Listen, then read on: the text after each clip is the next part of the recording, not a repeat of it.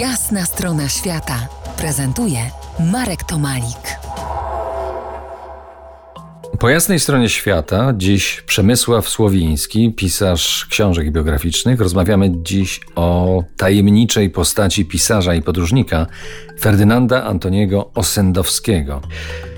Jak powiedzieliśmy w naszej pierwszej y, rozmowie, łącznie ukazało się w Polsce 77 książek, które doczekały się blisko 150 przekładów na ponad 20 języków. No to cóż, no toż to był y, gigant literatury swoich, swoich czasów. Zdecydowanie tak, tak jak powiedziałem, był uznawany za jednego najpopularniejszych, najpoczytniejszych y, pisarzy na świecie w latach dwudziestych, kiedy zabłysnął taką e, książką pod tytułem Ludzie, zwierzęta i bogowie, wydaną najpierw w Stanach Zjednoczonych, gdzie, gdzie pierwsze wydanie rozeszło się w nakładzie 300 tysięcy e, egzemplarzy. Potem pisał kolejne książki, które też były bestsellerami światowymi, aczkolwiek przyznajmy to również, ale to nie on jeden, jeden również pisał takie jakieś szmiry, knoty. No tym niemniej najwybitniejsze tuzy literatury grzeszyły tym samym. No tak, to się zdarzało i zdarzać będzie. Ale zdarzało się też, że niektóre książki Osendowskiego najpierw ukazywały się po angielsku, francusku, włosku czy hiszpańsku, a dopiero później trafiały do czytelnika w Polsce.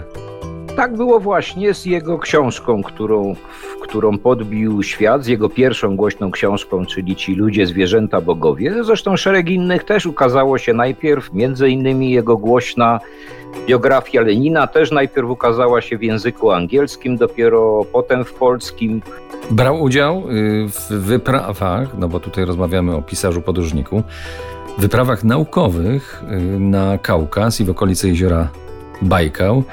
Dotarł również do Chin, Japonii, na Sumatrę, do Indii. No, w tamtych czasach, w latach powiedzmy 20., 30.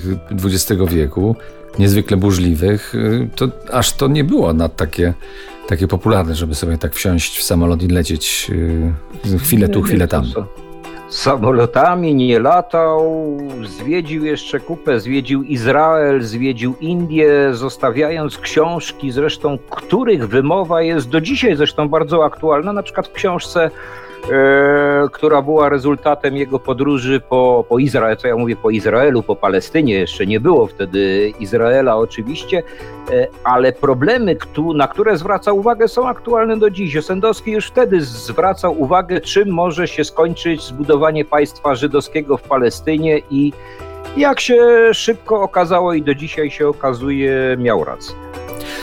No tak, to jest podróżnik, y, pisarz mocno y, uwikłany w politykę, o czym jeszcze będziemy mówić, ale to w następnych naszych rozmowach, a ta najbliższa, za kilkanaście minut. Zostańcie z nami po jasnej stronie świata.